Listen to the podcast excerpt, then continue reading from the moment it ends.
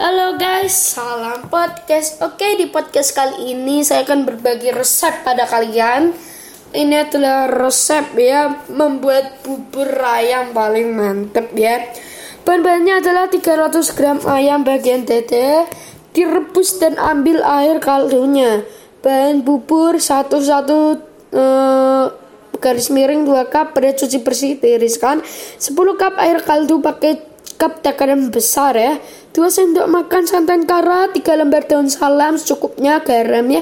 Campur semua bahan bubur masak dalam magicom. Bahan kuah bubur ayam 100 ml air rebusan ayam sisa santan kara daun salam kaldu bubuk optimal bumbu halus bawang merah bawang putih kemiri serai ketumbar kunyit pelengkap daun bawang seledri bawang goreng cakwe Um, Oke, okay, bagi kalian yang ingin mengikuti dan mendengar podcast ini, jangan lupa ikuti ya. Bye.